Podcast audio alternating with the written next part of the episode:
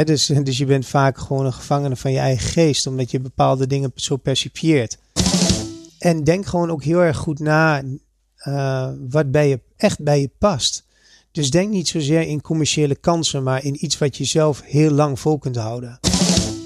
En ik denk dat zeker als het om marketing gaat, heel erg in jouw kracht werkt.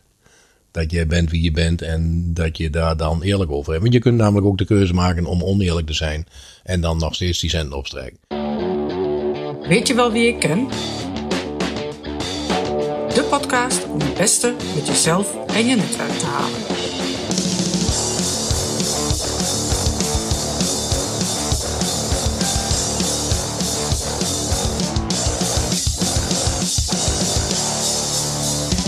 Welkom bij Weet je wel wie ken, de podcast om alles uit jezelf en je netwerk te halen. Um, ik ga niet heel veel babbelen, maar ik ga gelijk de bal richting Rob gooien, want hij heeft uh, de interviewgast van vandaag meegenomen uh, naar onze podcast opname Mancave ruimte. En um, dus Rob, hier is de bal. Uh, ik zou zeggen, jij mag lekker introduceren en ik heb er veel zin in dit gesprek. Nou, dus wederzijds, uh, ik, heb, ik heb er ook zin in. Uh, ik ga hem niet helemaal introduceren, want ik vind dat hij dat zelf mag doen. Uh, wat ik wel ga zeggen, is dat ik hem heb leren kennen via mijn eigen zaak. Daar komt hij regelmatig tot vaak. Vind ik prettig. en ik weet wat hij doet. maar voordat ik voor de luisteraar alles bij hem weghaal, lijkt het mij handig in dit geval dat hij zichzelf even voorstelt. Wat hij doet. Um, en waar wellicht iemand jou van zou kunnen kennen. Ah, dankjewel Rob. Uh, mijn naam is Bandy Faxi. Het is goed dat jij weet wat ik doe. Daar ben ik zelf nog een beetje zoekend in. Uh, op dit moment uh, verdien ik in ieder geval mijn geld door mezelf in te laten huren door bedrijven in de regio met name op het gebied van marketing. En dat is wel in een breedste zin. Het komt vaak ook neer op organisatieontwikkeling, soms een stukje branding en uh, marketingcommunicatie. Waarbij ik de laatste tijd uh, vast verbonden ben aan Gladior, uh, data-driven digital marketing bureau in Enschede. En neem dat zeg maar een grootste gedeelte van mijn week in beslag, waar ik dus ook de klanten van Gladior help om in de digitale wereld transformatie of een optimalisatie door te maken. En Gladior, dat, ehm, dat doe je met meerdere mensen? En de marketing professional die jij, ik weet niet of je het zelf gezegd hebt, maar dat lees ik van jou, uh, die jij bent, dat doe je alleen? Ja. Doe en waarom doe je dat alleen maar regionaal? Uh, nou, het heeft een beetje te maken hoe het is ontstaan natuurlijk. Hè. Dat heeft te maken met wie kent wie en wie kent mij dan. En uh, ik denk dat het met name in, in, in marketingvakgebied ook zo werkt. Dat mensen een bepaald gevoel bij iemand moeten hebben om, om een stuk van de onderneming en de toekomst van de onderneming toe te vertrouwen. Dus dat hangt denk ik wel op met een individu samen. En uh, vandaar dat ik dat alleen doe. En voor me, vanuit mijzelf is dat ook de kans om steeds bij elke klus de juiste mensen in te, in te huren of erbij te vragen. Dus dat is een beetje de insteek. En hoe lang doe je dat nu al alleen? Want ik ken een klein beetje, ken is een groot woord, ik heb een klein beetje ingelezen, zoals dat ook hoort, uh, uit jouw verleden. Je bent uh, niet altijd de marketing professional geweest die je nu bent. Um, hoe, ben jij, hoe ben jij hier naartoe gekomen, zeg maar? Is, is dat vanuit een passie gegaan? Of heb jij ontdekt of gehoord van derden dat jij gewoon goed was in uh, dat stuk marketing? Nou ja, voordat ik uh, voor mezelf ben begonnen, heb ik tien jaar aan, uh, zoals ze noemen, aan de klantzijde gewerkt. waarvan iets meer dan drie jaar vanuit Londen. En daarvoor iets meer dan zes jaar vanuit Enschede. Was in de automotive branche waar ik verantwoordelijk was voor uh, het merk Vredestein. En later ook voor het moedermerk uh, Apollo. En een uh, B-merk wat we hadden, Maloya. En dat, ja, in die functie ben ik dus verantwoordelijk geweest voor de marketingcommunicatie van, van, zeg maar, van een hele groep. Dat heb ik een kleine tien jaar gedaan. alvorens ik de stap heb gedurven nemen om voor mezelf iets te beginnen. En op dat punt was het ook een beetje van, nou, doe ik het voor mezelf of ga ik weer voor een corporate functie? En ik werd toen bijna 40 jaar blijkt dat sommige luisteraars uh, daar geïnteresseerd in waren, wat mijn leeftijd is. Dus uh, toen ben ik begonnen voor mezelf. En, Komt uh, niet bij ons weg, hè? Bij Alex en ook niet bij mij. Dan weer van nee, dat, nee, nee, nee, nee, nee, nee, Dus dat, dus dat is eigenlijk de springplank geweest om het, om het aan te durven. En daarvoor heb ik ook in een consultancy gewerkt. Daar was ik verantwoordelijk voor grote projecten bij aanmerken. Voor de transitie van hun merken. Dus dat was bij Nijkamp Nijboer, brand management bureau, ook in hier, in Nederland. En dat was ook op nationaal, internationaal gebied. En daarvoor weer kwam ik eigenlijk uit de, IT.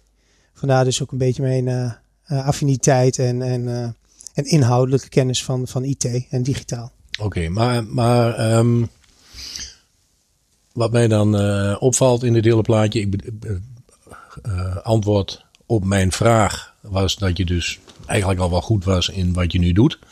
Uh, vanuit voorgaande werkgevers.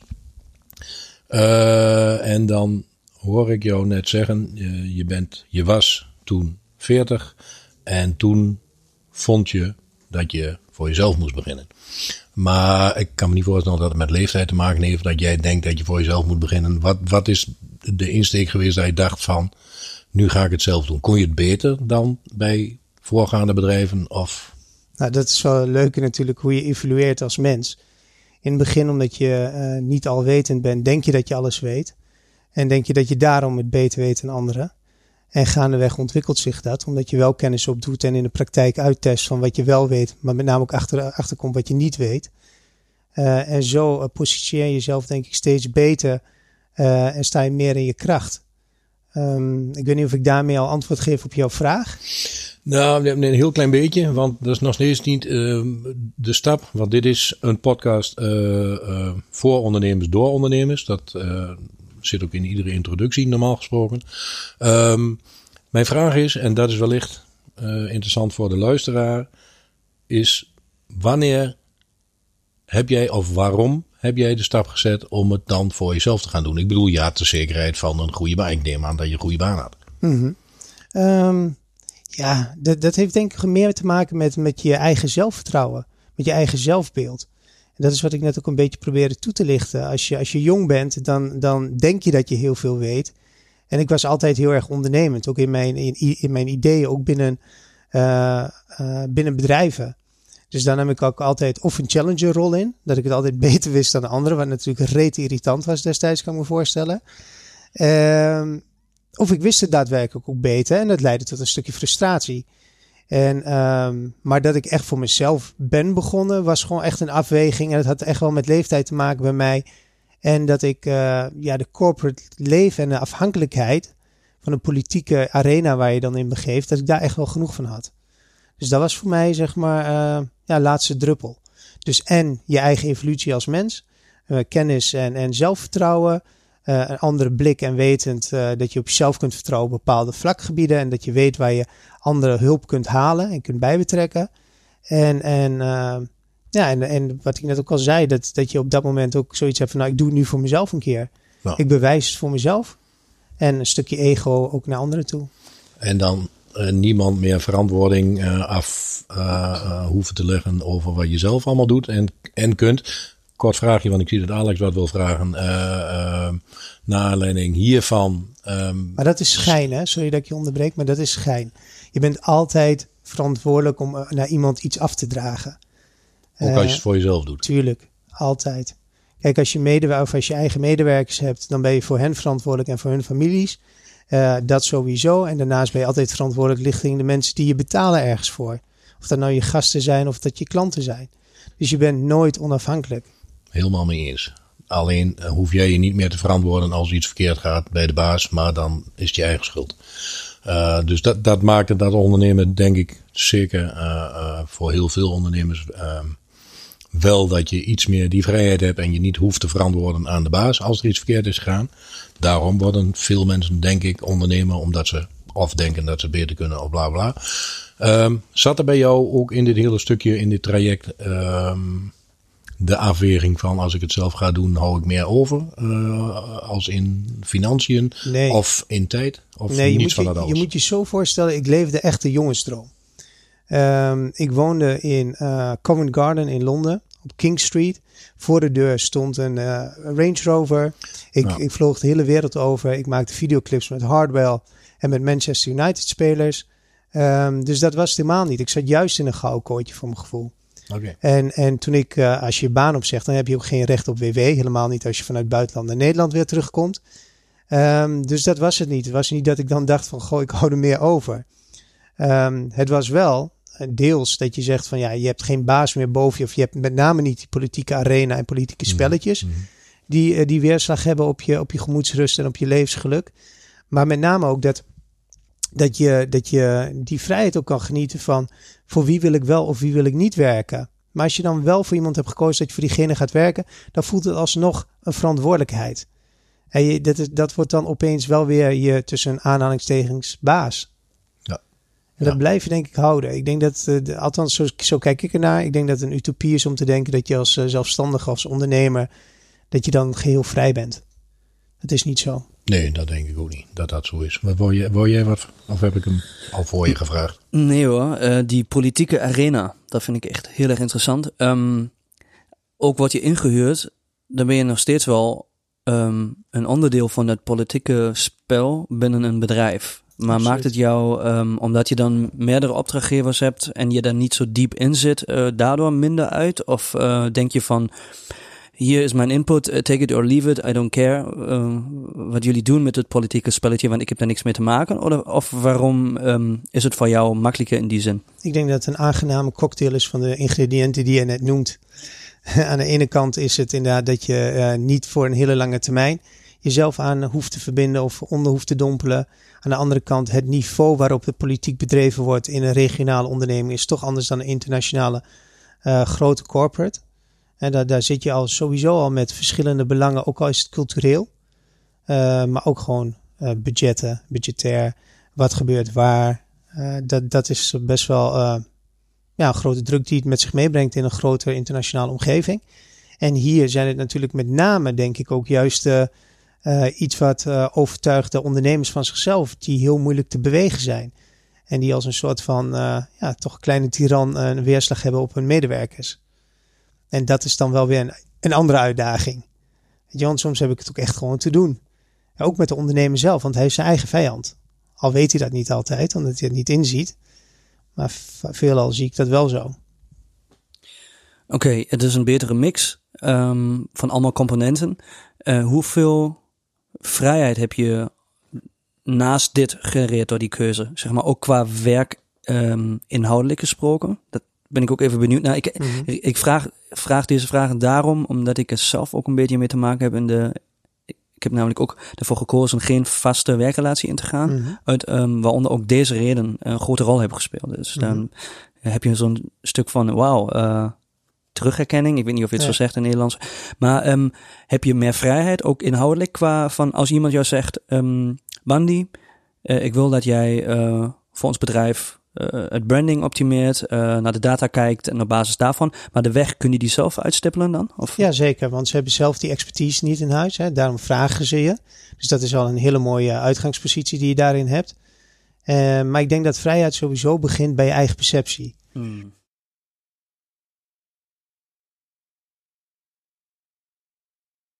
En daarin moest ik in ieder geval voor mezelf echt wel volwassen worden. En eh, ben ik ook heel blij dat ik, eh, dat ik dat op verschillende niveaus met verschillende culturen heb mogen meemaken en leren. En, en vandaar ook dat, dat, dat scheelt al een hele hoop. En dat als je nu met mensen te maken hebt, dat je, dat je er gewoon wat relaxed in zit. Eh, mijn valkuil is, is dat ik gewoon heel erg resultaatgericht ben. Ik ben heel erg gedreven. Ik ben heel erg betrokken. En ja, daar, daar moet ik mezelf in afremmen. Want soms eh, duurt het veel langer dat mensen door een bepaald traject en proces heen moeten. Maar leg eens uit, zakelijk gezien. Waarom is dat valkuil? Voor mij. Ja. Ah, wat ik net zeg, ik, eh, ik wil misschien eh 100%. Daar waar voor sommigen 65% al 100% is. Ze hebben een hele andere eh, beleving en indexering. Maar dan is dat voor je gevoel dus een valkuil, maar niet zozeer voor je portemonnee. Daar maakt niet zoveel uit. Uh, dat kan het ook zijn. Ehm, want dat is, uh, dat is wel uh, een andere valkuil voor mij. Ik ben ongeduldig, ik ben heel direct. En bij sommige mensen past dat gewoon niet. Mensen die nog niet klaar zijn ergens voor, om het te ondervinden of het een stukje uit handen te geven en daar tijd voor nodig hebben. Ja, dat vind ik gewoon heel erg moeilijk. Maar is het dan, passen die mensen dan niet bij jou of pas jij niet bij die mensen? Hoe, wij allebei hoe zie je dat zelf? elkaar, Nee, nee, maar goed. eh, Ik, als iemand vraagt jou. Mhm. Stel, ik, zou, ik, zit in een franchise, we hebben het er al wel vaker over gehad. Ik kan jou niet vragen voor een opdracht, gaat niet via mij. Ik ben zelfstandig ondernemer en ik vraag jou, uh, doe iets aan mijn branding. Wat moet ik nu doen om morgen wereld, wereldberoemd te zijn? Mm nou, dan gaan we dat traject aan. En ik ben het totaal niet, niet eens met jouw visie. Mm en jij zegt mij dan heel eerlijk, uh, uh, wat je daarvan vindt. Wie zijn probleem is dat dan? Is dat dan jouw probleem? Is dat mijn probleem? Dat is jouw probleem. Ja. Oké. Nee, maar dan, geef, dan geef je nu ook ja. ja. alleen door mijn betrokkenheid, doordat ik jou beter toewens, vind ik dat dus wel moeilijk. Oké. Maar dat, dat is dan persoonlijk dilemmaatje waar je dan... Maar als, je, als jij eenmanszaak bent, zoals ik, dan is daar een uh, hele dunne scheidingslijn natuurlijk. Dan is privé en zakelijk is eigenlijk één. Dus met, met, met de intensiteit waarin ik uh, bijvoorbeeld zakelijk leef, leef ik natuurlijk ook in mijn privéleven. Ja, maar dat is, denk ik, spreekt dan in mijn overtuiging heel erg voor jou. Want uh, ik, ik, ken een paar meer marketing mensen en uh, ja, ik, ik, ik, weet niet of die betrokkenheid bij, bij heel veel marketingmensen allemaal precies hetzelfde is. En ik denk dat, daarom vroeg ik het net ook, want ik denk dat het juist zeker als het om marketing gaat, heel erg in jouw kracht werkt. Dat jij bent wie je bent en dat je daar dan eerlijk over hebt. Want je kunt namelijk ook de keuze maken om oneerlijk te zijn en dan nog steeds die centen opstrijken. Kan ook, hè? Ja, dat, dat kan. Maar ik denk dat het uh, onder de streep uh, uh, in niemands voordeel werkt. Dat denk ik ook. Oké. Okay. Maar ik denk dat je met die mindset, die ik gewoon zo cool vind, um, wel heel veel mensen voor de kop stoot ook. Ja. Um, en dan wil ik even het bruggetje bouwen naar netwerk. Hmm. En waar het bij ons in de podcast ook veel om draait van... Um, ja, hoe groot moet een netwerk zijn? Wat voor mensen zitten daarin? Hoe belangrijk is dat? Dus omdat je heel veel mensen voor de kop stoot met, met toch een hele directe en ongeduldige persona, hmm. Eh, is jouw netwerk dan wat kleiner, maar met een hoge kwaliteit, waar mensen weten daarmee om te gaan? Hmm. Of, of neem je dat helemaal anders waar? Heb je toch alsnog een heel groot netwerk, omdat allemaal mensen het uiteindelijk toch wel waarderen hoe je bent? Hoe schat je dat in? En ja, hoe belangrijk is je netwerk eigenlijk voor, voor, voor jouw werk? Ik kan me voorstellen, als, als je zelfstandig bent, is het toch wel echt een belangrijk onderdeel, toch? Mm Nou ja, toen jullie, of toen Rob mij vroeg van, zou jij een podcast uh, samen met ons in willen vullen over netwerken? ja, toen vroeg ik mij ook eigenlijk af, over wat voor soort netwerken gaan we het dan hebben? En voor, voor, deze, voor de uitzending hebben we het natuurlijk heel eventjes gehad over eh, de typische netwerkavonden, de omgevingen waar mensen elkaar proberen te leren kennen en te benaderen en indruk op elkaar te maken. Ja, dat weet ik niet, want daar ben ik ook niet aanwezig. Ik ga vaak naar inhoudelijke uh, avonden, of dat nou een workshop of een congres of, of wat dan ook is. Daar ben ik in het verleden graag geweest. De laatste tijd is dat natuurlijk iets moeilijker. Um, en dan kom je mensen wel tegen. En de ene is je meer gezind dan de ander. Um, dus ik weet ook niet, ik, ik zou het niet kunnen beantwoorden of mijn netwerk sterk is. Ik denk dat veel mensen wel denken te weten wie ik ben. Een gedeelte daarvan ziet natuurlijk alleen maar hoe ik mijzelf soms kan profileren op, uh, op social media. En dat kunnen ze wat van vinden, positief of negatief. De echte mensen die ooit met mij hebben gewerkt, echt inhoudelijk hebben gewerkt, daar is denk ik ook een tweedeling. Eén, die, die verafschuwt het. Die vindt het heel erg, omdat je inderdaad, omdat ik de vinger op de zere plek leg. En de andere mensen vinden het juist heel fijn omdat ik zo betrokken ben en, en probeer te helpen. Oké, je legt de vinger op de zere plek. Uh, als, als een branding niet goed is mm van een bedrijf, um, kijk je dan naar wat is sterk en bouw, bouw, je, bouw je dat uit? Of kijk je van wat is niet goed en maak je dat sterker? Of, of die dingen die niet goed zijn, probeer je die weg te halen? Uh, ja, het, het, grappige, het, grappige, is dat branding is een, een, zeg maar, visualisatie van iets. Vaak gaat het om de mensen en om de organisatie. En daar loop je dan ook al vaak tegenaan.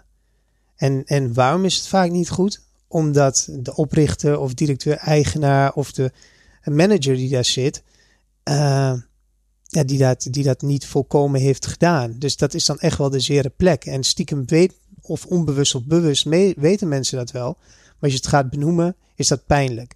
Dus branding is eigenlijk gewoon een stukje behang. Uh, maar waar het bij, bij begint is natuurlijk de blauwdruk, de tekening. Dan krijg je de fundering, dan krijg je de opbouw. En, en behang is pas op het laatste moment wat de buitenwereld ziet. Verkoop je geen luchtkasteel? Nee, nou, zo zie ik het niet. Nee.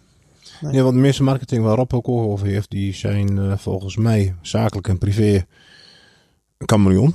Dat mag ook. Ik bedoel, als je zo wilt profileren, is geen probleem. Ik herken in jou toch wat wij ook wel hebben, die directheid enzovoort. Dat heb ik zeer zeker. Ook in het netwerk. Dat geeft mijn netwerk heel diep. Mensen die erom omgaan zijn misschien wat minder in aantal, maar kwalitatief beter. Veel kennissen, mhm. misschien wat minder vrienden, maar vrienden die zijn, die zijn super. Dat herken ik ook aan jou uh, direct. Uh, weet waar je voor staat. Maar in het algemeen vind ik marketingmensen uh, niet dat soort typen zoals ik het juist schets, direct en to the point. Want het is vaak luchtkastelen wat ze willen verkopen en daar naartoe werken. En als het niet lukt, is het altijd een ander hun schuld. Laat ik daar even heel mm kort de bocht zeggen.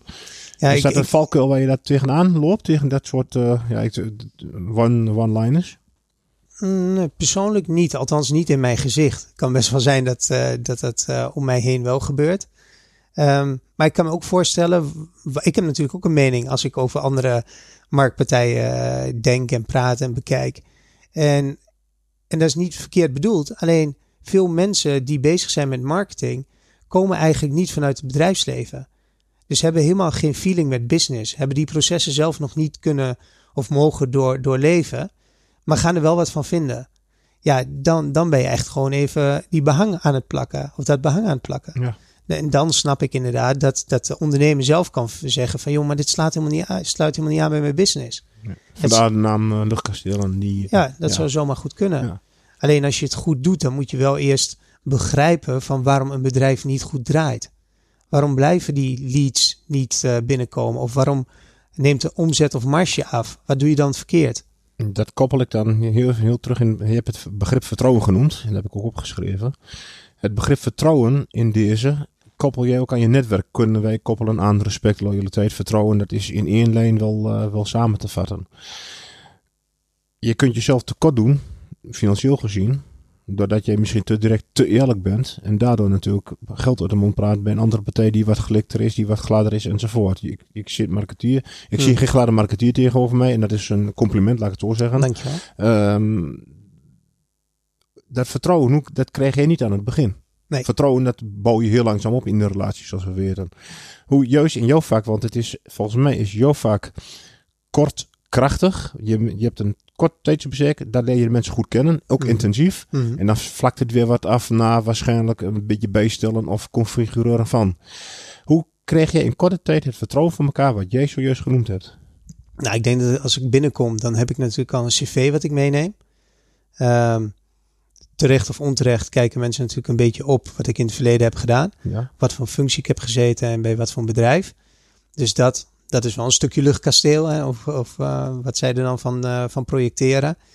Uh, maar daarnaast is het gewoon de vraag die ik stel. omdat ik geïnteresseerd ben in de mens die ik tegenover me heb staan. Maar met name hun, aan de ene kant hun pijn en aan de andere kant hun droom. En dat, dan hoor je ook vaak door de vragen die je stelt, waar ze gewoon best wel mee worstelen. En al jaren mee worstelen. En dat is natuurlijk niet in het eerste gesprek, maar gaandeweg wel. Ja, wacht, elke keer duidelijk, ik hoor het. Maar soms is er geen tweede gesprek. Omdat je gewoon bent afgevallen door... De, door... Ja, dan, dan zei het zo. Ja, maar dat, dat vind je niet erg. Dat vind je ook niet jammer of zo. Je gaat er ook niet nog een keer... Nee, nee oké. Ja, dat, is direct het. Maar wil, wil jij met dat soort mensen wel door? Want de behangplakken waar je het net over hebt. Stel nou, je hebt het eerste gesprek gehad, tweede gesprek, derde gesprek. Hartstikke leuk, super aardig. En jij, uh, uh, jij, jij trekt jouw plan. Mhm. En jij vindt wat van die organisatie, uh, want dat is waar je dus ook doet. Je kijkt naar de organisatie, je kijkt niet alleen maar naar dat stukje bang. Nee. En dan ben je het helemaal nergens mee eens. Mhm. En toch zegt jouw opdrachtgever op dat moment, als mijn stukje behang maar, maar klopt. Ja. Maak je de klus af? Of zeg je nee, van, want ik, ben, uh, ik ben geen behanger eigenlijk. Nee, precies. Dus ik ben geen grafisch ontwerper. Nee, en daarvoor, daarvoor huur ik ook mensen in. Uh, het, is, het gaat echt om het de analyse die eraan vooraf gaat, de definiëring die daarna volgt en dan vervolgens de doorvertaling in het visuele. En dat is jouw sterke kracht. Dat is waar je dan beter kunt dan dat stukje behang. Ja. Ja, ja. oké. En hoe kom je dan, uh, om dan weer terug te komen op dat stukje netwerken, uh, hoe kom jij dan zelf, want ik hoor je net al over leads en tegenwoordig is alle social media natuurlijk heel hmm. makkelijk om bij je klanten terecht te komen. Um, hoe kom jij aan je klanten dan? Is dat omdat ze je zien, omdat ze je uh, ben je wereldberoemd uh, op, op, internet? Of, nee, nee, nee, Nee, helemaal Hoe niet. kom ik, hoe kom ik aan jou? Eh, ik denk toch wel eh, mond-to-mond reclame. Met het klassieke. En wat ik al zei, het gaat om een stukje vertrouwen. En vertrouwen, vertrouwen mensen als andere mensen dat tegen hun vertellen. En ik denk dat dat bij mij zo werkt. En krijg je door dat vertrouwen ook heel veel opdrachten nu? Of zeg je nou, mag wel iets meer en ik, ik, ik moet mezelf toch nog iets anders in de markt gaan zetten? Ehm, dat is, vind ik een goede vraag. Heb ik mezelf ook wel eens afgevraagd de laatste tijd. Ehm, met name omdat de coronacrisis natuurlijk iedereen raakt. En ook de bureaus. Eh, en ook de budgetten bij klantzijde. Nou, dat is heel normaal. Ik heb het geluk eigenlijk dat ik, eh, dat ik al met een buffer ben begonnen.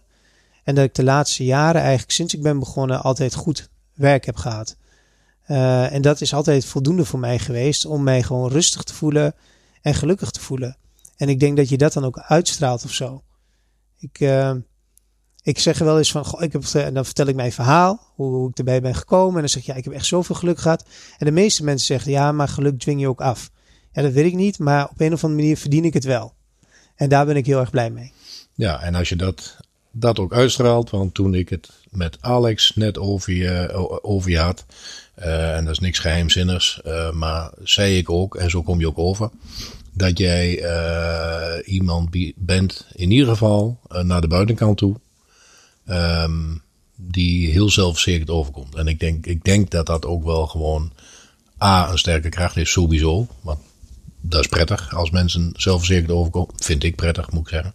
Ehm, maar volgens mij eh, kun je dat ook alleen maar, wij, wij hadden het er eventjes over. Volgens mij kun je dat ook alleen maar uitstralen als je weet wat over gaat, als je weet wie je zelf bent, als je, als je eh, heel erg goed snapt waar jouw eigen kracht ligt. Mhm. En als je ook eerlijk bent, hè? eerlijk naar de ander, maar ook naar jezelf, is als je inderdaad op ergens terechtkomt wat je niet weet, dat je dat ook gewoon aangeeft. Van joh, ik ben, sorry, ik ben even overvraagd. Ik ga heel even onderzoek doen, dan kom ik bij je terug. Ja. En veel mensen durven dat niet. En dan krijg je allemaal van die uh, mambo jumbo gepraat. Ik denk dat je de gunfactor hebt. Dat het daarmee begint bij de mensen. Ja, en dat vind ik heel fijn dat je dat zegt, want ik twijfel daar vaak aan of Nee. ik een funfactor heb. Nee, dat is... Fun of gun? Nee, de gun. Ja, fun weet ik wel. Ah, nou, jij ja. nu fun, hè? Sorry. Het zijn twee hele verschillende dingen. Wel, Maar wel dat ligt allebei leuk. Maar Het is gunnen en funnen, dat kan toch bij me. Ja, ja, prima. Ik denk dat jij, de, dat, dat jij de gunfactor hebt. Omdat jij natuurlijk een bepaalde zelf, eh, zelfvertrouwen hebt. Dat heb je nodig. Maar zonder zelfvertrouwen heb je die gunfactor ook niet. Je hebt juist die mobiliteit die je erin hebt zitten om te zeggen van... En dat staat nog voor je, je jouw niveau of, of het werk wat je levert. Natuurlijk, dat heeft dat allemaal, het is allemaal flinterdun. Maar het eerste gesprek, ik kende je dus niet. Mhm. Eh, we zitten ook niet in mekaars netwerk. Eh, heel frappant. Maar goed, wel weer natuurlijk wel indirect. Via Nu wel. Alex, nu wel. maar juist die, die, die rust en die... Ik ben ook behoorlijk eh, ongedurig, maar dat straal je niet uit. Je hebt dan ook die rust om over je vak te praten. Zonder dat je iemand denkt van ja, eh, we hebben het over. Je bent al misschien al bij stap 8, terwijl de eerste nog moet weten wat hoe je marketing schrijft. Maar je hebt die gunfactor. En dat is volgens mij waar jij op baseert. Waar jij een tweede, derde gesprek op bouwt. En dan op vertrouwen en dan doorgaat. En ik denk dat je vast wel eerder hebt gehoord. Nee, eigenlijk niet. dus daarom vind ik het ook wel fijn om te horen, moet ik zeggen. Nee, nee, daar ben ik heel eerlijk in. Eh, ik denk juist dat, maar dat denk ik, hè, maar dat is ook perceptie. Ik denk dat ik juist in het verleden eh, eh, soms daarop afgeschoten ben. Dat mensen denken van, joh, we, we- hem hoeven je het niet te gunnen, want hij heeft het al. Of, Nou, even, arrogante- in voor jezelf, toen je voor jezelf was begonnen of in ja, ook, werknemer? ook, ook. Om, om een goed voorbeeld te noemen, ehm, in de creatieve industrie werken best wel veel partijen met elkaar samen. Ja. Omdat er verschillende competenties bij elkaar moeten worden gebracht om tot een resultaat te komen. Eens. Ik heb echt nog nooit, maar dan ook nooit, een opdracht gehad vanuit een creatieve eh, een netwerk, zeg maar. Daar ben je bedreiging voor. Ja, dat zou zomaar kunnen zijn, maar echt nog nooit. En terwijl dat de mensen zijn, en nu doe ik één iemand tekort, en dat is niet helemaal terecht voor mij. Van één iemand heb ik dat gehad in het begin. Want toen was ik nog deels nog bezig eh, in Londen. Eh, dat vond ik ook heel mooi. Ben ik altijd blijven waarderen. En ook, maar terwijl dat de mensen zijn die ik echt tonnen omzet heb gegeven in mijn vorige functie. En gewoon echt nog nooit. Nog nooit eens een keer van, joh, Bandy zou eens een keer mee willen kijken. En je, je merkt het misschien aan mij. eh, in het begin werd ik daar best wel verdrietig over en emotioneel. En dat is ook iets wat ik moest leren. Van joh, ja, zo zit het waarschijnlijk gewoon in elkaar. En eh, dat is net zoiets als als je in je privéleven eigenlijk jezelf nooit kwetsbaar opstelt. Dan zou ook nooit iemand aan je vragen, hoe gaat het nu eigenlijk met je? En zo heb ik dat voor mezelf dan maar eh, gaan zien. Maar hoe, hoe, hoe, hoe komt dat, sorry dat ik je onderbreek, maar eh, hoe komt dat dan nu volgens jou zelf, dat juist vanuit die hoek eh, niet de vraag krijgt van, joh, help me nu eens even. Ja, je geeft net aan van mensen zien me wellicht als arrogant of weet ik veel wat, maar dat is ook een aanname, dat weet je niet. Nee, dat weet ik ook niet. Maar hoe komt het dan volgens jou dat ze jou niet vragen? Ja, dat weet ik dus niet. Dat, dat, Geen idee. Nee. Nee, ja, misschien is het dat, dat. Dat ze het als bedreiging zien. Of van, goh, hij heeft dit niet nodig. Ik denk dat, dat het een beetje ook dat, dat laatste kan zijn. Dat mensen zoiets hebben, goh, hij redt zich wel. Dus waarom moeten wij hem iets brengen? We zijn al lang blij dat wij iets hebben. En dat vind ik ook iets frappants in. Ik weet niet of het alleen in Twente is. Ik dicht het dan in Twente toe. Maar we kunnen het zelf wel. Ehm, dus je ziet ook bureautjes, en dat is wel wat minder geworden de laatste jaren, die gewoon full service zijn volgens eigen zeggen. Ze kunnen alles, alles wel. Nou ja, dat, dat zegt het ook al een klein beetje. Hè? Je houdt het samenwerken, het elkaar gunnen, het samen beter doen, hou je een beetje buiten de deur. Ja. Maar ja, dan is dus toch weer die, gun, die, die gunfactor dan. En dat is dan raar, want als ik, eh, en, maar, dat bedenk ik nu ook, dat weet ik niet of dat zo is. Ehm, maar je, voor de luisteraar, ehm, even kort samengevat, van ze zien je niet. Eh, maar je ziet er goed uit. Je ziet er altijd goed gekleed uit. Eh, wat dat betreft, ehm, kom je over, laat ik het dan zo zeggen, als, zoals Clemens net zei, de gesjeeste eh marketingjongen. Nou, zeker na dit gesprek ehm, weet ik, en ik, dacht, ik denk dat ik dat ook al wel een beetje wist, dat je dat niet per se bent. Is, is, is dat dan waarom, ja, gunnen, ik, ik weet niet of dat een goed woord is. Is dat waarom mensen dan denken van, nou, hij heeft het niet meer nodig? Dat denk ik. Moet je daar dan wat, aanname, moet je daar dan wat aan doen? Of denk je van, nou, dat is echt dikke bullshit? Ik, ik Ja, bedoel- iedereen, iedereen moet er gewoon zijn wat, wat eh, hij of zij wil. Ja, dat ben ik het met je eens. En eh, in dit geval ben ik ik. Hè, waar het mooie voorafgaand aan is, dan dit interview hadden we het ook over Clemens. Die zei van, joh, ik ben best wel van het bezit. Hij vindt eh, bepaalde dingen mooi. Ja. wel- Wellicht een auto heb ik nog niet zien staan. Alleen autootjes zie je in, eh, in de vitrine. Maar ik zie een, een, een, horloge dat hij draagt. De manier waarop hij gekleed is. Nou, dat herken ik ook in mezelf. Maar jullie zitten wel samen omdat jullie elkaar respecteren, op een mens zijn. En dat is denk ik veel belangrijker. Maar dat herken, dat, herken ik, dat herken ik ook in jou. En zijn auto en jouw auto, ik ken ze allebei. Ik, ik weet wat jullie allebei rijden. En in dat opzicht ehm, zitten hier nou twee verschillende kanten aan tafel. Eh, wat, ik, wat ik dan wel heel mooi vind. Eh, want als ik jou zie, puur zie. Ik ken je niet, ik heb niet met je gebabbeld. Ik zie jou. Dan denk ik ook van, nou die vent is hartstikke binnen. Eh, want jij hebt ook een goed horloge om. Je, je kleedt je goed. Je rijdt ook in, in, eh, in een goede auto. Ehm, maar dat is, wel, dat is wel dus een heel erg stuk beeldvorming. Eh, en werkt dat vaker in jouw voordeel of werkt dat vaker in jouw nadeel? Denk Ja, je? wat ik denk dus in mijn nadeel. En dat kwam voort uit, eh, uit wat Clemens net zei. Hè. Zo zijn we hierover doorgegaan. Ja. Ik denk in mijn nadeel. Ja. Ja. Ik denk het niet. Ik denk dat het je voordeel is. Ja, dat Misschien dat ik zien. Nee, nee, absoluut niet. Nou, nou weet je, ik, ik denk wel dat het ook een, eh een generatiedingetje is. Dat denk ik ook. Ehm, ik denk dat jonge mensen sowieso minder van bezit zijn, eh, minder van status zijn, maar meer van de kern. En, en dat zij eh, ook wat toleranter wat dat betreft zijn. En dat het dan meer ook gaat van eh, gevoel bij elkaar, energie bij elkaar en, en matcht dat of niet. En, en helpen we elkaar echt of niet? Of kosten we elkaar gewoon energie? Ik denk dat de oudere generatie dat gewoon wat minder heeft. En dat dat, dat gewoon wat ja, op, de, op de cijfertjes zi- zijn, laat ik maar zo zeggen. Mhm. Dat denk ik. Als jij er als een landloper bij zou lopen in een auto aankomt van 40 jaar oud. eh, Geen, geen oldtimer of youngtimer waar je ook wilt zien. eh rolranden hebt, niet verzorgd bent. Denk je dat je handel binnenhaalt als marketingman? Op dit moment?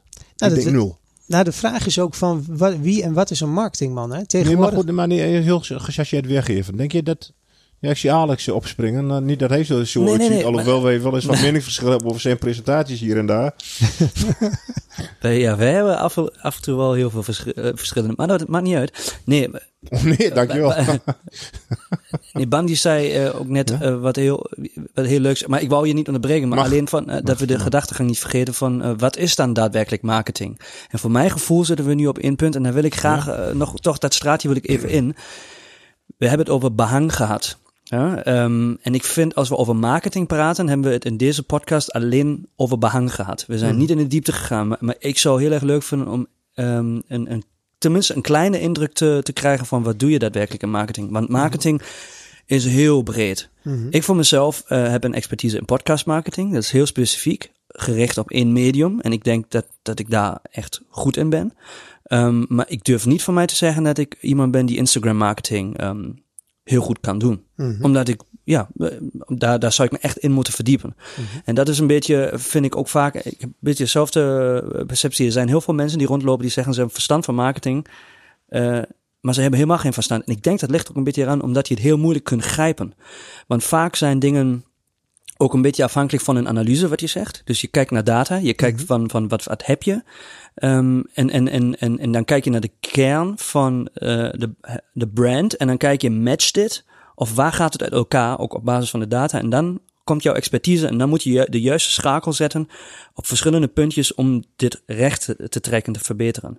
Maar waar, waar zit jouw marketing expertise? Op, op welke kanalen eh, focus jij? eh, ja, Nou, ik, ik denk dat, dat, dat, dat je echt eh, de kern ook raakt. Kijk, hoe ik ernaar kijk is dat je, je hebt brand en je hebt brand management.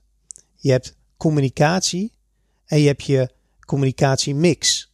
Maar dan heb je je marketingcommunicatie en je marketingcommunicatiemix. Hè, je mix, dat zijn de kanalen. Maar wat gebeurt daarvoor? Dat is je stukje marketing, dat is je analyse. Dat is bekijken van oké, maar dit is een onderneming en wat is ons bestaansrecht? Waar leveren wij nu meerwaarde? En aan wie leveren we die meerwaarde? Nou, en dat zijn eigenlijk je producten of je diensten die je moet formuleren. En dan moet je de mix inzoeken hoe je het wil gaan vermarkten. Nou, en daar ligt denk ik mijn expertise om vervolgens dat goed door te kunnen vertalen naar de verschillende disciplines waar we het net over hebben gehad. Mhm, mhm. Daar, en daar ligt denk ik ook eh, mijn grote meerwaarde ten opzichte van de marketeer in de regio. Want de meeste marketeers die zich marketeer noemen in een regio, die zijn begonnen vanuit eigen communicatie of een kanaal. En die zijn er dingen bij gaan doen. Hè, je hebt, je hebt, eh, in het verleden had je gewoon grafische ontwerpers en die zijn nu opeens marketeer geworden. Of je had een websitebouwer en die is opeens een digital marketeer eh full-fledged geworden. Ja, dat, dat is een andere eh, ontwikkeling die ik door heb gemaakt. En dat betekent niet dat, dat zij minder zijn. Ze zijn anders. Mhm, En samen zijn we waardevol. mhm. Want zonder dat ben ik ook niks. Alleen het jammer is dat, eh, dat die respect en die herkenning van die verschillende disciplines, dat dat soms een beetje een grijs gebied is. Voor de markt, maar ook voor de mensen zelf.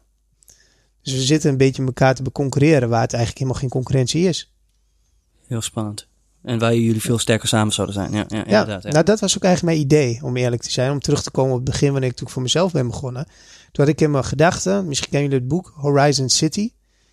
Nou, dat is eigenlijk een verhaal van, van, van, eh, van vroeger. Van, van deze regio, hoe welvarend Twente wel niet is geweest in, eh, in de textielindustrie. En als je kijkt, dan is dit nu eigenlijk een digitale evolutie waar we nu in zitten. Dat we nu eigenlijk heel rijk zijn aan eh, allemaal digitaal creatieve bureaus. Maar ook nog wel wat reclamebureaus. De klassieke reclamebureaus. Nou, als we dat allemaal samen zouden voegen, dan zouden we echt een goede, goede front kunnen vormen tegen de concurrentie van het Westen. Met name nu, omdat hè, het, afstand werken wordt, wordt veel minder belangrijk. En dat was ook mijn idee. Dus het, het gedachte was ook een soort van netwerkorganisatie van creatieve bureaus bij elkaar brengen, Horizon City. Dus ik heb ook een soort van roadshow gehad waar ik langs allemaal bureaus ben geweest, mijn idee heb gepitcht, hun welwillendheid heb geho- aangehoord. En, eh, maar dat is gewoon niet van de grond gekomen. Omdat iedereen voor eigen gewin ging. Maar doe je dat nu met dat Gladior? Spreek goed uit, hè? Doe je dat, eh, doe je dat wel op die manier een beetje? Ja, nou in die zin, we, wij doen alleen het digitale gedeelte. En ook de andere expertises huren we gewoon in. Ja, en als jij, ehm, je, je bent bij de, bij de klant geweest, jouw klant geweest. Ehm, en je bent er samen uitgekomen wat de sterke kracht is van die klant op dat moment. Ga jij dan meer de digitale hoek in? Uh, of zeg je van uh, je moet 20, 20 billboards uh, langs de weg en ook nog eens 20 in Amsterdam? En, dat, dat betreft de doelstelling. Kijk, toevallig ben ik nu bezig met een, met een opdracht in conceptuele fase voor een, voor een bandenmerk in Italië. Vanuit mijn netwerk inderdaad. maar niet het merk waar ik vandaan kom. Um, en de vraagstelling was daar ook van, joh, bring the sexy back. He, zij, in het verleden zijn ze in Italië, eh, waren ze een sexy merk. Dat, eh, die positie zijn ze een beetje verloren. En de vraag is of ik hen kan helpen. Nou, ik ben dan niet degene die daar een uiting aan kan geven. Dus ik heb nu al wat mensen om me heen verzameld die inhoudelijk bezig zijn om dat vorm te geven. Ik zal die kalender terugbrengen. Ja.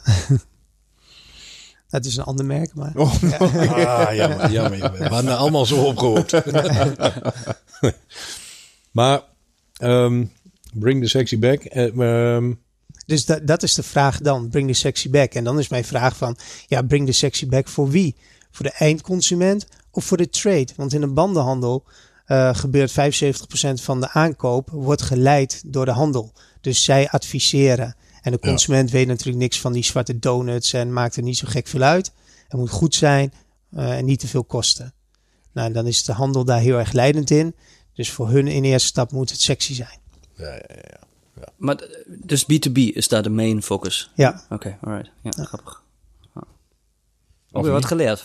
Ja. ja. geen idee van bandenhandel, maar ik heb, nee? ik heb dus ook echt geen... Uh, nou, je, je hebt er niks met auto's. Heb ik heb niks met auto's, nee. nee, nee. Het begint eindig met de band. Daarom heet hij ook Bandie natuurlijk. Hij heeft alle Precies. ah. Dat is, Gaan we nog woordspelling gaan maken? Ja, ja, ja. Hij moest hem, je mag hem ertussen wegnemen. Hij was heel flauw. Hij was heel flauw. Nee, laat hem er alsjeblieft in, want hij is nog nooit gemaakt. Nee, echt niet. nou, voor alles is een eerste keer. Um, voordat we het helemaal vergeten, en, uh, en uh, we, we, we, kletsen sowieso nog even door. In iedere podcast hebben we bij iedere gast drie standaard terugkerende vragen. Ik had ze hiervoor willen leggen, maar mocht niet.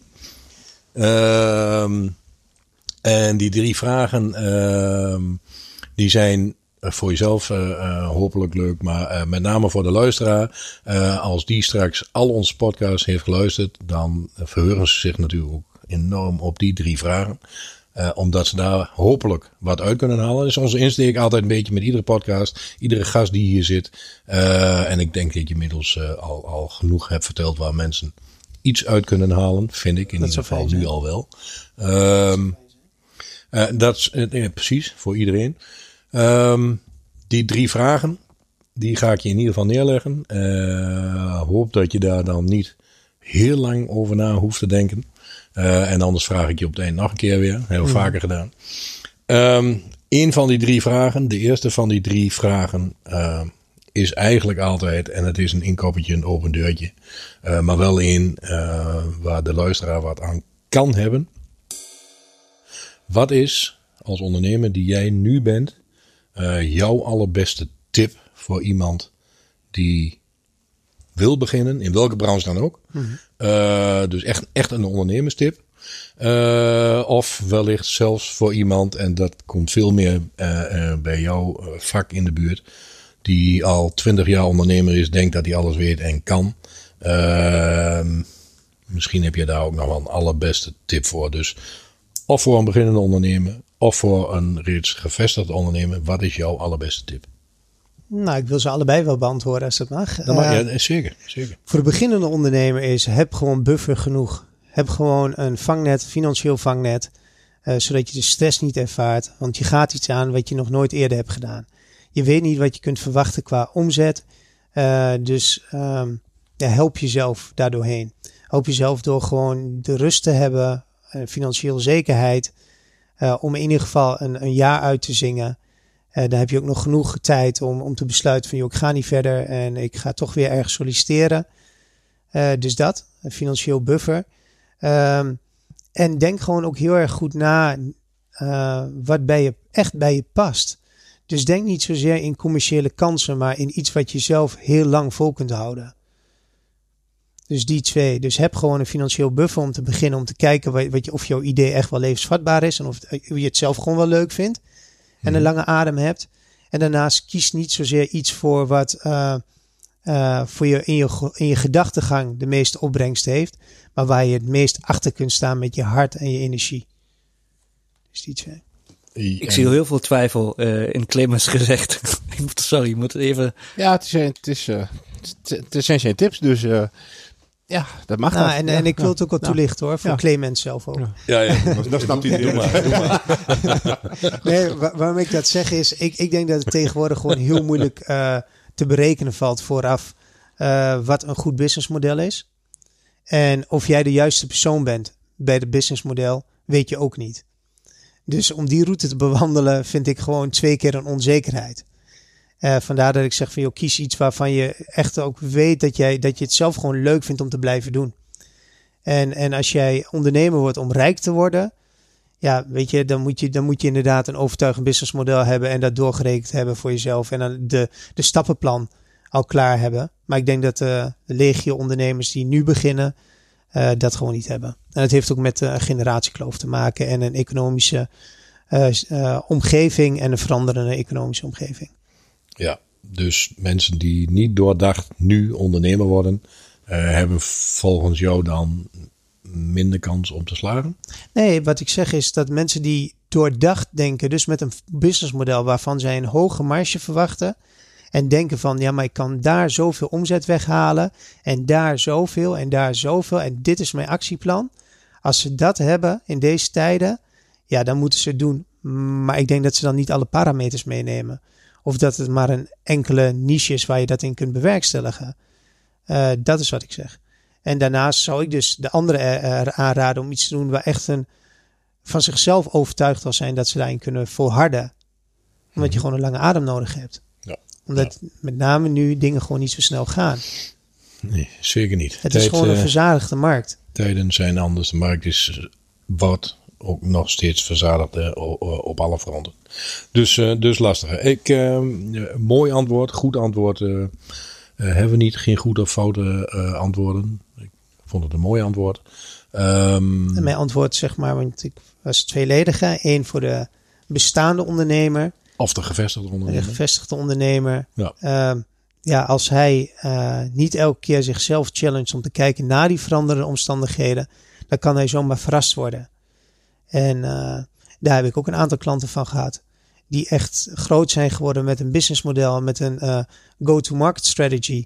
Die inderdaad 20, 25 jaar uh, geleden perfect was. En de afgelopen decennia misschien ook nog goed was. Maar nu gewoon aan het ja, opraken is. Maar nu niet, ja, nu niet meer.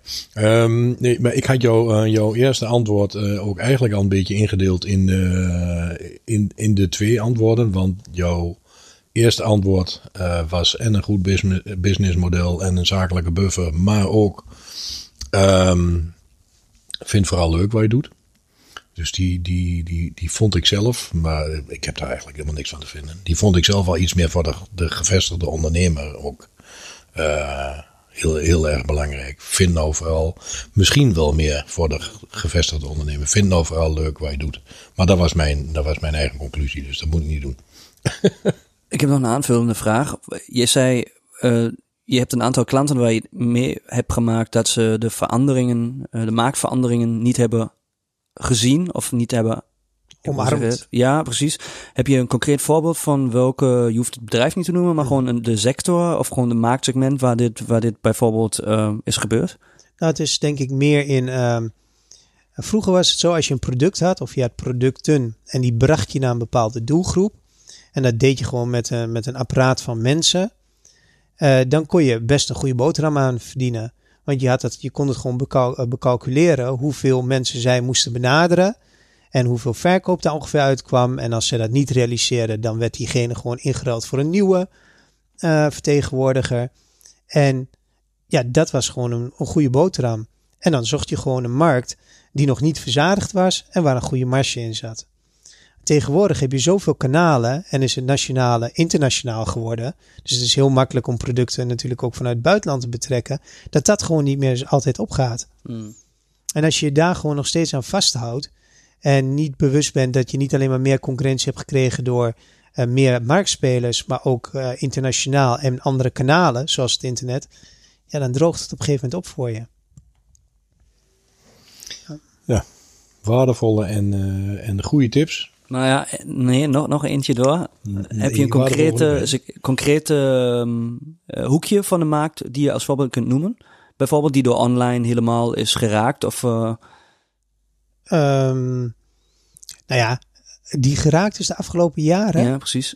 Eh, de, de, ja, met name zit dat in de, in de, in de technische branche Ja, ja. hè, van, van middelen. Dat kunnen alle soorten middelen zijn. Vroeger was het natuurlijk een soort van niche, want je had iets. Je had bijvoorbeeld een smeermiddel. Dat was een goed middel.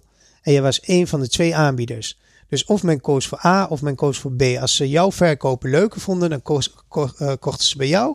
En als je prijs ook eh, competitief was, dan was het gewoon. En zo werd de markt een beetje verdeeld. En, de- en die disruptie heeft daar wel plaatsgevonden. Dus in de, in de smeermiddelen, als dit voorbeeldje dan opgaat, Hmm. is het natuurlijk zo dat je gewoon heel veel concurrentie hebt gekregen. Heel veel white labels, noem maar op. Ook, ook producenten van machines zijn bijvoorbeeld smeermiddelen gaan voeren.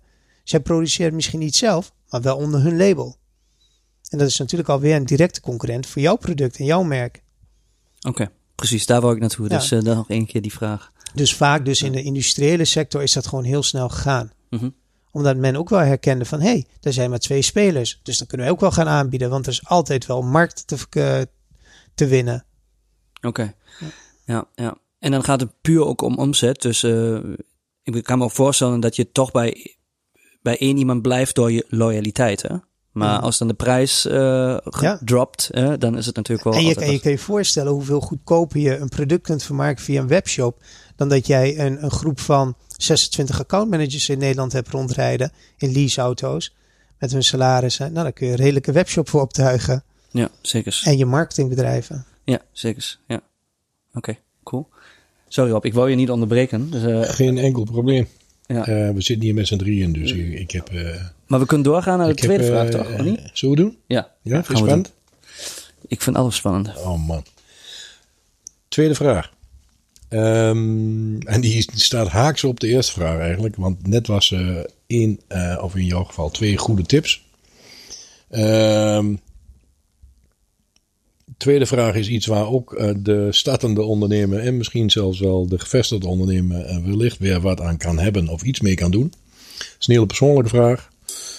Hoef je niet te beantwoorden, eh, maar zou wel leuk zijn. Wat is jou in jouw ondernemersperiode. dus dan heb ik het niet over wat je hiervoor allemaal deed, of voor Vredestein deed, of alle andere brands hebt gedaan.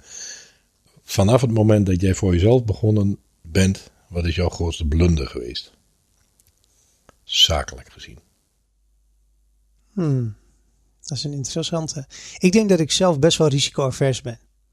Ehm, dus dat ik dingen wel doordenk en dan vaak ook dingen gewoon wegstreep. Ehm, dus dan doe ik ze ook gewoon niet. Eh, een voorbeeld ervan, ik heb wat ik al net zei, ik heb die roadshow gehouden om een samenwerkingsnetwerk op te zetten. En dat is niet van de grond gekomen. En daar had ik natuurlijk ook kunnen denken, ik neem gewoon zelf wel een, eh, een grafisch ontwerper of een art director in dienst. Dat heb ik ook, ook overwogen. Ik heb er zelfs een campagne voor gevoerd. Die heb jij nog zelfs lang zien komen. En toen dacht je, ja, dat moet ik eigenlijk helemaal niet doen. Want dan zadel ik mij juist op met iets wat ik niet wil. Namelijk die vast, vastheid aan een bepaalde discipline. Mhm. En dat wil ik nou juist niet. Dat, daar wil ik bij de juiste expertise, bij de juiste casus erbij kunnen halen. Ehm, dus ik ben niet gegaan voor de omzet. En want dan heb je gewoon wel meer omzet te, te realiseren, want je hebt meer man Ja. waar je marge over vangt. Maar ik ben voor, de, voor mijn eenpitterschap gegaan. Eh, wat was mijn grootste blunder? Dat is de vraag. Ik denk dat het iets inkoop moet zijn geweest. Dat ik zelf iets heb gekocht dat ik denk van ja, dit had ik beter niet kunnen doen. Ah, ik heb wel een goed voorbeeld trouwens. Mijn grootste blunder was dat ik in de niche-markt ben gaan zitten. Ik, eh, ik heb ooit een webshop opgericht op het gebied van eh, pocket squares, dus pochetjes, Ja, ja. afgewerkt met gouddraad. High, high, high level segment. Nou, en ik dacht van, nou, weet je, dat is er niet. Dus dat kan ik gaan vermarkten. Maar het bereiken van de doelgroep die zoveel geld over heeft om pochetjes te vermarkten, die is er dus niet op internet. Mensen kopen niet iets wat ze niet hebben gevoeld of niet hebben gezien voor zo'n bedrag via internet, wat eigenlijk een accessoire is. En dus dat was echt te ver. Het, het is iets wat meeverkocht moet gaan worden met een heel duur maatpark pak. op Savile Row in Londen bijvoorbeeld. Of in, met name nog meer in Dubai en dat soort orde. Moskou. En dus dat was mijn grootste... dat, was, eh, dat was je grootste blunder. Ja. Dat, is, dat is mooi, openhartig en, en heel eerlijk. Ehm, als je nu datzelfde pochetje ehm, weer aan de man zou moeten brengen. Zou je Mhm. dat dan nu anders doen? Of zou je nu zeggen van eh, bekijk het maar met je pochetje. Ik doe helemaal niks meer. Eh, ja, het, het, ik denk niet dat het bij mij past. Eh, wat ik net ook zei, ik denk niet dat ik die volha- volhardendheid erin heb. Want je moet het namelijk gaan pluggen, eh, zoals dat vaak nog in fashion gebeurt, bij al die boutiquejes.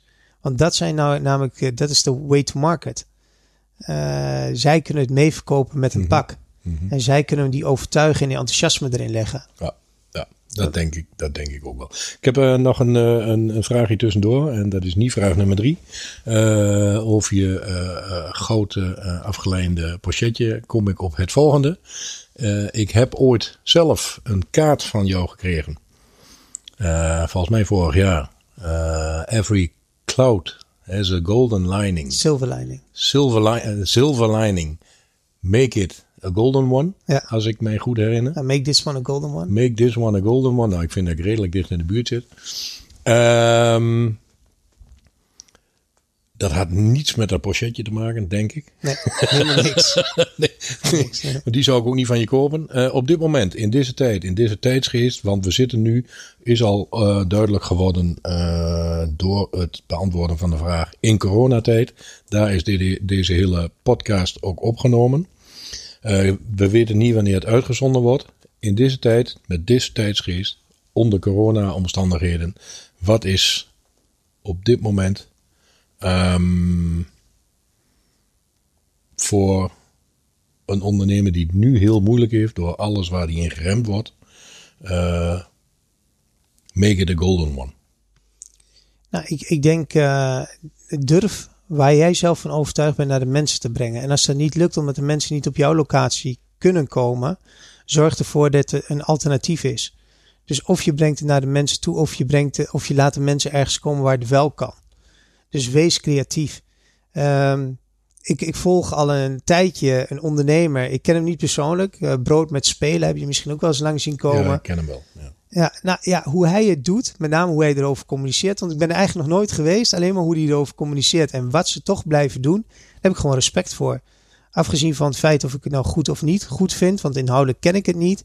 Maar wat ik daar van een afstandje van zie en met hoeveel bevlogenheid toch iets anders probeert, daar kan ik heel veel respect voor hebben.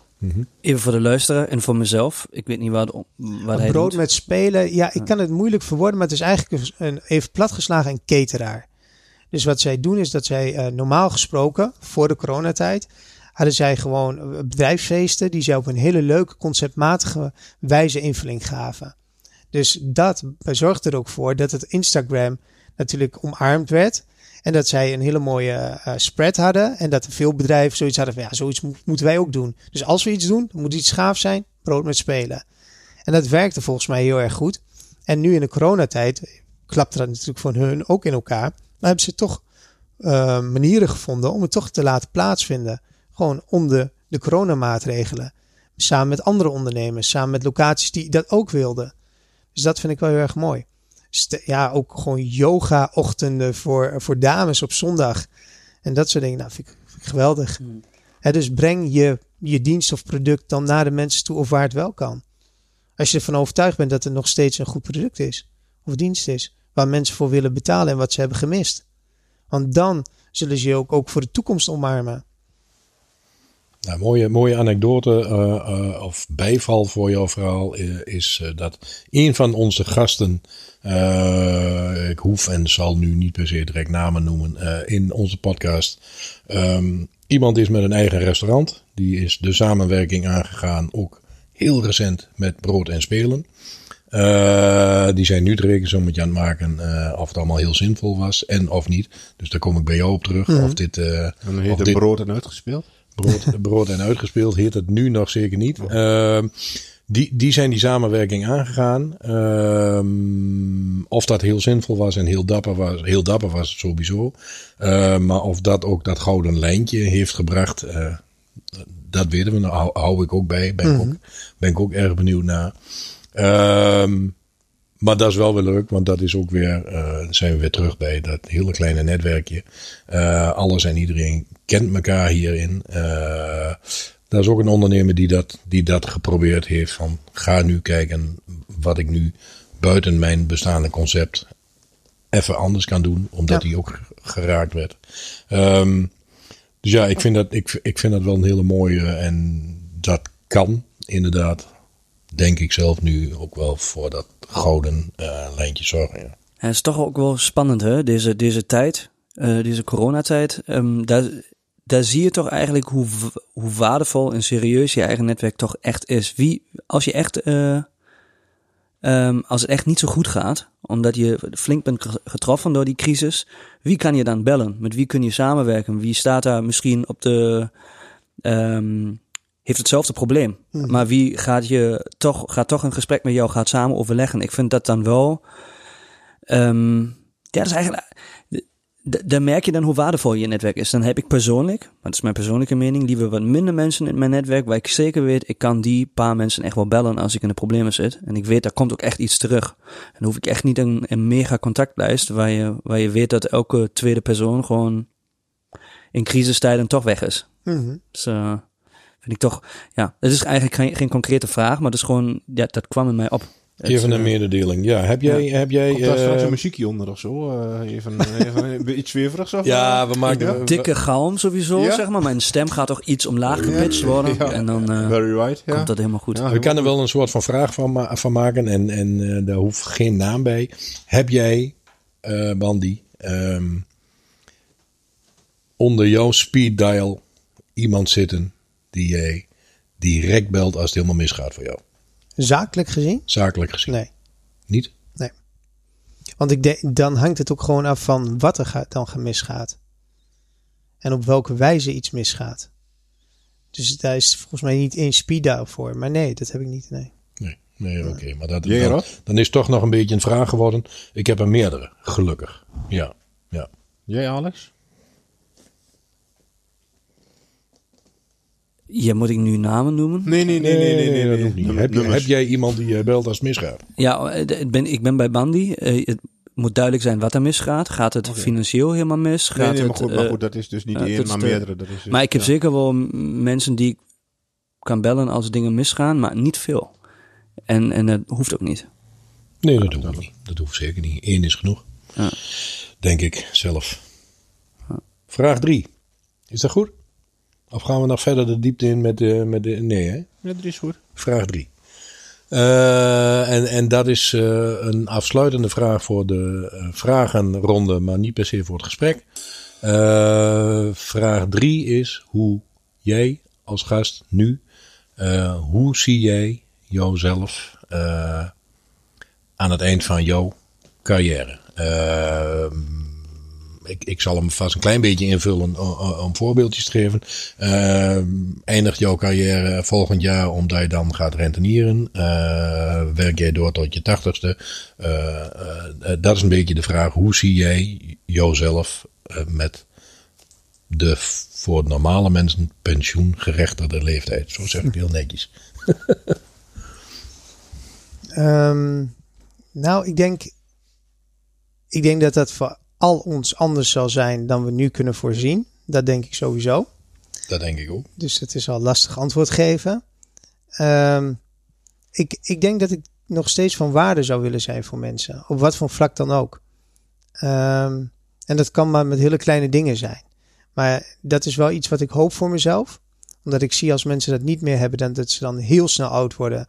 En heel snel het eind van hun leven tegemoet zien. Dus ik hoop dat dat voor mij niet geldt.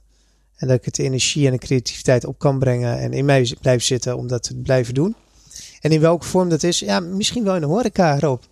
Ja, nou ja. nee, maar is, nee, maar ik, denk, ik vind horeca nog steeds iets heel moois eigenlijk.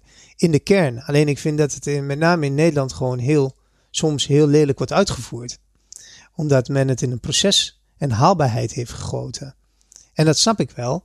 Want daar zijn mensen zoals Clemens voor verantwoordelijk die rekenen door en dan moet het allemaal passen en kloppen. En als dat niet zo is, dan geven ze een seintje en dan sturen ze bij en dan adviseren ze. En dat snap ik allemaal. Alleen dan gaat denk ik wel ten koste van uh, hoe het ooit bedoeld is.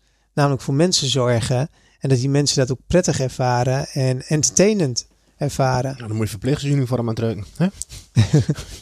Nee, maar ik denk, ik denk wel dat, eh, dat, dat, dat dat wel een groot verschil is in Nederland. Eh, als je kijkt, dat hier, wordt, hier worden producten eh, gemaakt met een bepaalde marge. En die worden uitgeserveerd voor dames die dat doen. Of heren die dat doen. Omdat ze bij willen verdienen. Het is niet overal een vak waar mensen met een, eh, een ander mens een goed gevoel willen geven. En, en iets mee willen geven. En dat is denk ik wel een groot verschil. En ik weet niet of ik nu iemand tegen de scheen aanschop. Nee, maar in nee, het nee, algemeen vind ik dat wel een, een valkuil in Nederland. Ik vind het, ik vind het, het, het is niet altijd meer een, eh, een professie van liefde en zorg. Wat het volgens mij eh, van oudsher wel was. Wat is volgens jou dan nu, en dan stel ik jou een marketingvraag eh, als eh horeca-ondernemer. Die ik, ik, ik vind mezelf iets meer dan een horeca-ondernemer, want we hebben hiervoor ook in de detailhandel gezeten. Dus ik, ik ben ondernemer. Ehm, wat is dan volgens jou nu, en in het algemeen niet per se voor mij, ehm, de allersterkste kracht voor een horeca-ondernemer. Eh, en dan heb ik het nu even, eh, zoals jij weet, eh, en de luisteraar inmiddels ook wel. ik ben franchise-nemer. Ehm, dus al zou ik het willen, ik kan niet alles zelf beslissen. Ehm, voor een zelfstandig horeca-ondernemer die een eigen toko heeft. wat is in jouw beleving als gast de sterkste kracht van de horeca op dit moment? In coronatijd. Ja, wat, wat ik, kijk, iedereen heeft een soort van geïsoleerd gezeten. Iedereen snakte naar buiten, naar interactie met andere mensen. Iedereen snakte weer om, om eh, andere dingen te kunnen eten of te proeven en te beleven dan dat ze zelf thuis hebben gemaakt of bezorgd hebben gekregen. Eh, dat is denk ik het belangrijkste. Van mensen gewoon weer welkom laten voelen. Eh, een soort van entertainment karakter eraan mee te geven. En gewoon kwalitatieve producten. Kijk, een mooiste, en dat heeft niks met corona te maken, maar het mooiste voorbeeld was jouw buurman eigenlijk. Hè? Die heeft het tot twee keer over geprobeerd. En die, die wilde het altijd vanuit proces en vanuit een merk en vanuit een concept laten groeien. Maar ze hadden de doelgroep er gewoon niet voor. En mensen voelden zich ook niet, blijkbaar niet prettig. Nee, en ze wisten niet waarvoor ze moesten komen. Nee, ik weet niet of je het weet, maar volgens mij is inmiddels weer eh, in handen van een, een nieuwe eigenaar. Eh, dus ik, jij waarschijnlijk ook, ben nu weer net zo benieuwd wat er dan nu weer gaat gebeuren. Eh, maar dat is wel, dat is wel ehm, als je concept niet klopt of als je zelf niet weet waar je staat te doen, zeg maar, dan, dan is dat sowieso geen, geen kans van slagen in mijn beleving. Nou, en ik, ik denk dat mensen, wat ik net ook al aangaf, dat, dat mensen op zoek zijn naar een proces om het haalbaar te maken. Maar daar wordt het denk ik voor de klanten niet fijner van. En voor hunzelf onder de streep ook niet prettiger door. En, en dat zie ik gewoon heel veel in de Nederlandse horeca. En, en de prijzen die gaan maar omhoog, hè? Ja. Dus dat, eh, ja, ik, ik, ik, vind, ik zie daar wel een grote discrepantie. Alsnog moet ik wel even zeggen, man. Je zei, ehm, dan heb je iemand als Clemens die naar de cijfers kijkt. Ik denk dat het altijd eh, toch ehm, een middenweg is tussen eh, de creatieve kant en het uitwerken van eh, de duidelijkheid van wat kun je verwachten als een klant. en de zakelijke kant. Hier praat ik natuurlijk ook dan weer heel erg vanuit mijn ervaringen als muzikant en iemand die in een band zit. Ehm, daar heb je namelijk alleen maar in het begin de creatieve kant. Want je begint een band omdat je met je, in ideale geval met je vrienden muziek gaat maken. Maar er komt toch wel een keer het punt waar je moet nadenken. Ik bedoel, dat, dit is ook echt een, een business voor de lange adem. Voor de longest breath ever, eh, eh, zou ik zeggen. Als je niet heel veel geluk hebt. Ehm, maar je moet als toch op een bepaald punt ehm, zakelijk beginnen te denken. Anders komt het niet goed. Mhm. En dan heb je dus iemand als Clemens heel erg nodig. Tuurlijk. tuurlijk. Ehm, en ik dat is de middenweg, om te prikkelen en te Nee, nee, I know. I know.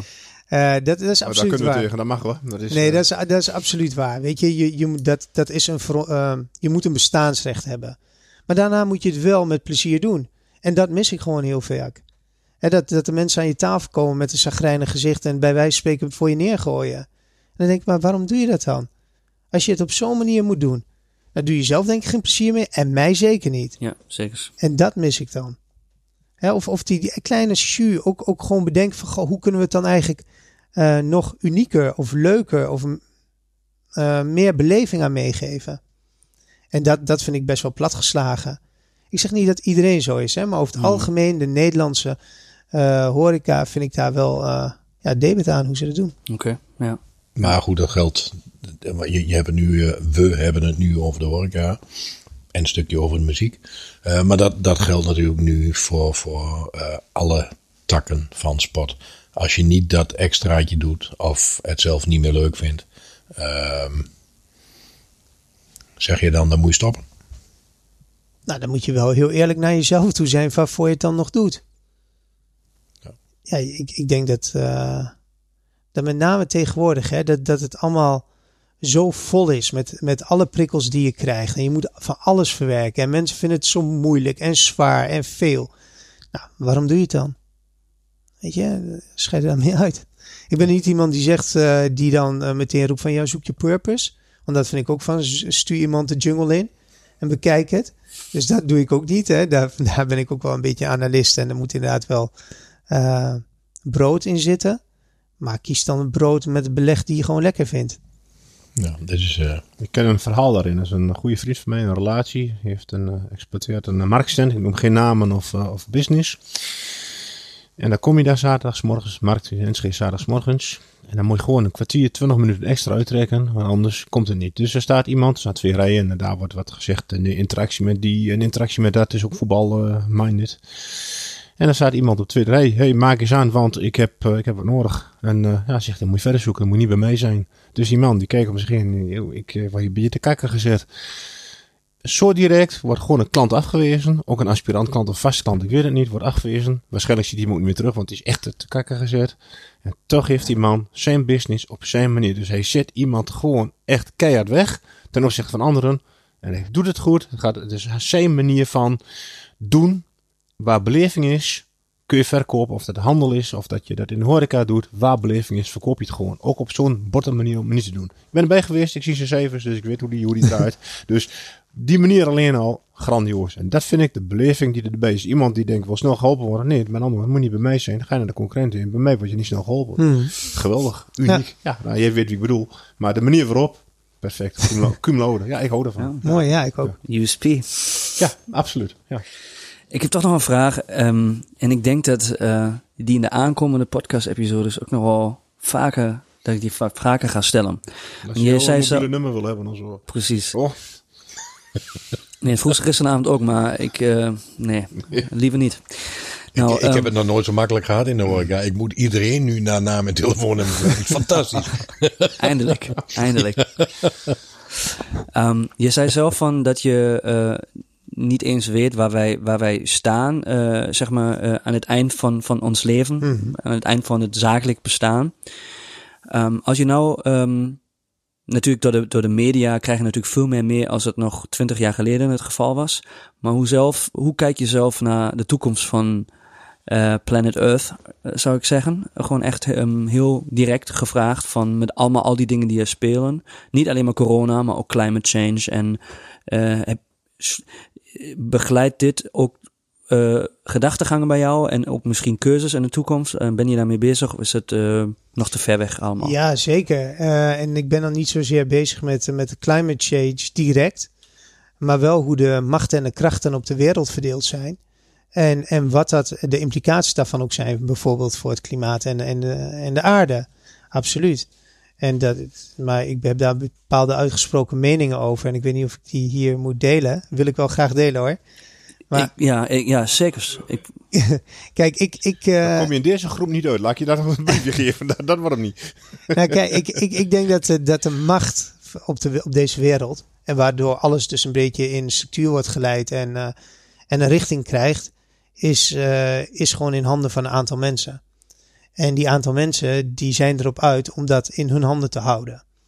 En dat heeft eh zijn weerslag dat er bepaalde veranderingen die nodig zouden zijn in het bewustzijn van de mens, en daarmee ten goede van bijvoorbeeld de natuur en de aarde, dat die gewoon heel erg tegen worden gewerkt en gehouden. En, ehm, en ik denk dat die mensen al een tijdje heel erg in strijd met zichzelf zitten van oké, we hebben heel veel mensen op deze aarde en die hebben we heel lang voor onszelf laten werken. hebben we heel veel geld aan verdiend. Maar nu zijn ze eigenlijk een probleem geworden. Want voordat je het weet, komen al die, heel, al die mensen in opstand. Nou, dus daar moeten ze een oplossing voor vinden. En ze moeten ook nog oplossing zien te vinden van zij moeten en hun nazaten moeten eigenlijk ook nog een aarde hebben. Dus shit, hoe zorgen we ervoor dat al deze mensen bij elkaar de aarde niet te veel belasten?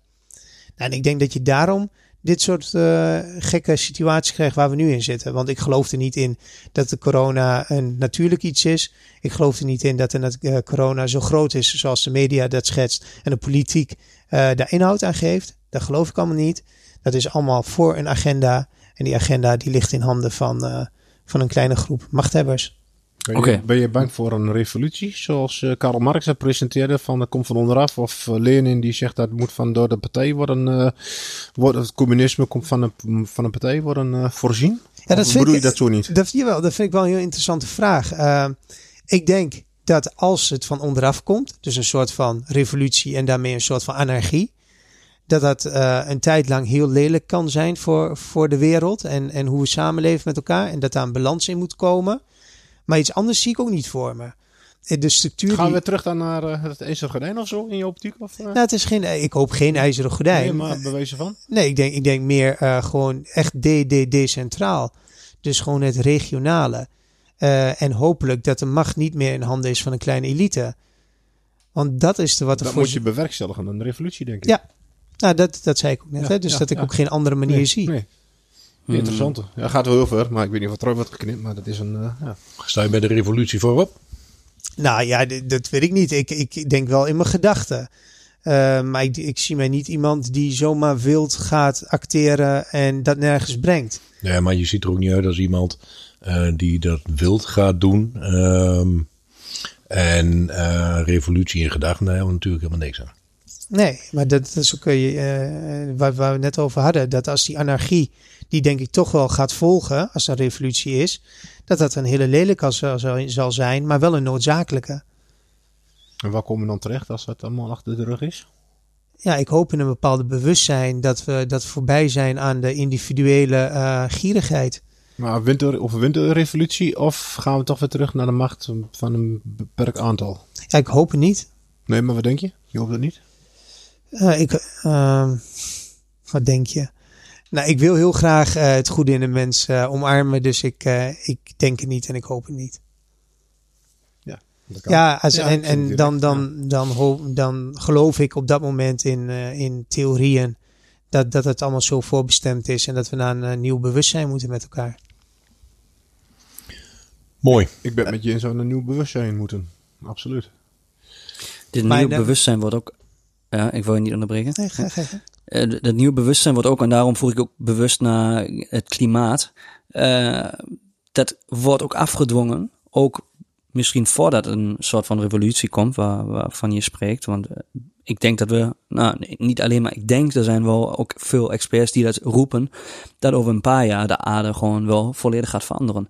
Want de global warming gaat veel sneller, ehm, gebeurt veel sneller dan dat we dat allemaal hadden voorzien. Mhm.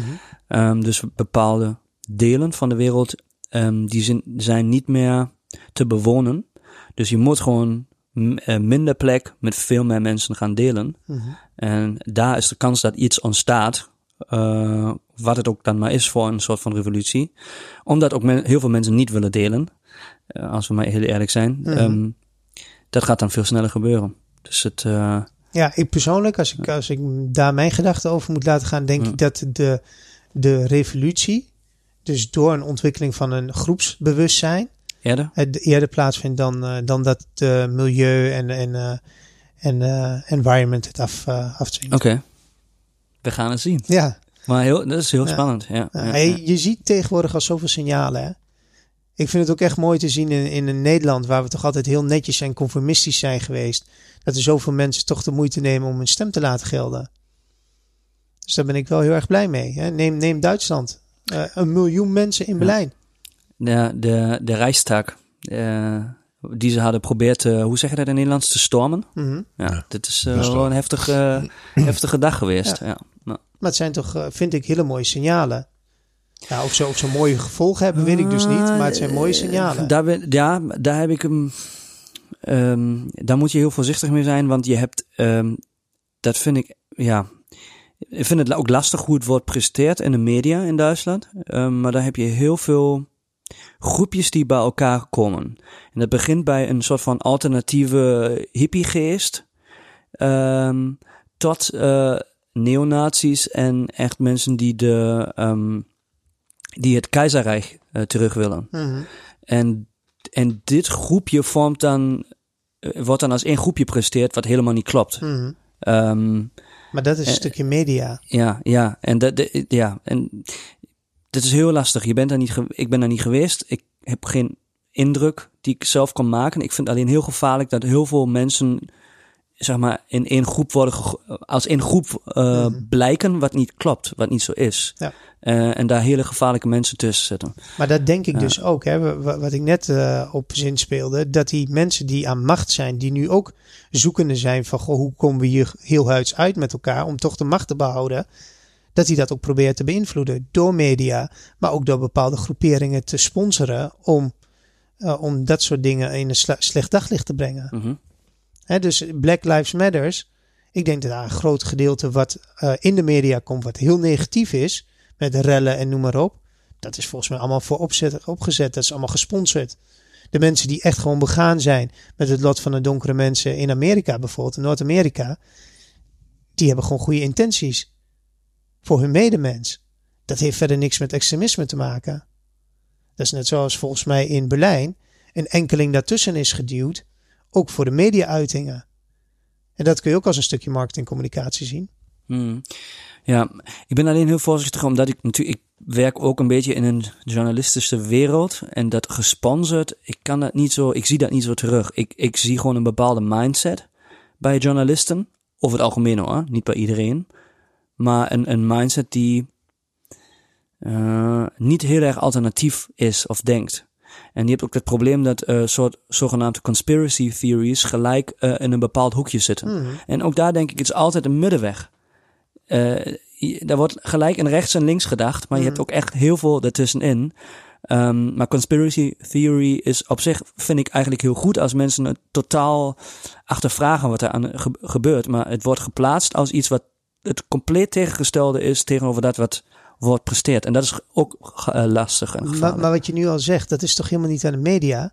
De media moet toch gewoon doorcommuniceren naar het volk. Daarom Ja. heet het ook media. ja, En zij maken eigenlijk al een keuze wat zij wappies vinden of wat zij conspiracy theory vinden. ja, En dat vind ik in de, in de kern al verkeerd. ja, ja. Ik Want denk zij dat ja. het al, zij stigmatiseren het al. Daarom zei ik Mhm. ook, het is gewoon een stukje marketingcommunicatie. Zij dichten de waarde aan toe Mhm. die zij dan vinden. Ja. En dat vind ik gewoon niet eh, en neutraal. Mhm. On this bombshell eh, mag ik jullie onderbreken voordat eh, we een volledig andere podcast krijgen die zeker net zo interessant kan zijn.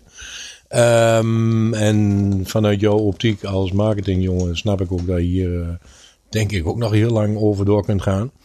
Ehm, Als mens met name, ja. Ja, maar eh, Goed punt, goed. eh, als, in eerste instantie als mens. Maar ik hoor dat je als marketing professional daar ook een mening over hebt. Wat logisch is.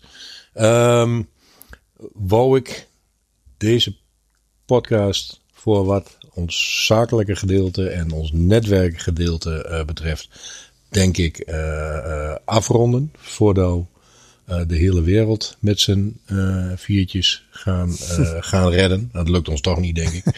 maar we kunnen een begin maken. Hebben we het straks dan nog wel even over. Ehm, tenzij jij nu nog iets kwijt wil waarvan je zegt van... hé, hey, dat heb je helemaal niet gevraagd... of dat wil ik vanuit mijzelf echt nog even melden aan iemand... wie dan ook, of jouw potentiële nieuwe klant... dan is dit de tijd. Nou, het enige wat ik wil zeggen over netwerken, volgens mij is het niet een manier van netwerken. Volgens mij is dat heel verschillend. Eh, hangt het af van wat je ermee wil bewerkstelligen en hoe je zelf als persoon bent. Dus ik denk ook niet dat je, eh, dat je daar richtlijnen voor hebt of een playbook voor hebt van wat, wat is het beste om te doen. Eh, wees gewoon aanwezig, stel jezelf open, kwetsbaar en, en durf te, te presenteren wie je bent. Dat is het enige wat je kunt doen, denk ik. En eh, En ik denk dat als mensen dat waarderen en waarde in je zien, dan komen ze vanzelf wel. En dan komt uh, business vanzelf wel. Dat denk ik ook. Um, mooie afsluiten. Dank voor deze podcast. Graag gedaan. Jullie bedankt voor het vragen. Ook graag gedaan. Uh, en dan kletsen wij nu over de wereldproblematiek wellicht nog even verder. Dankjewel. Dankjewel. Dankjewel.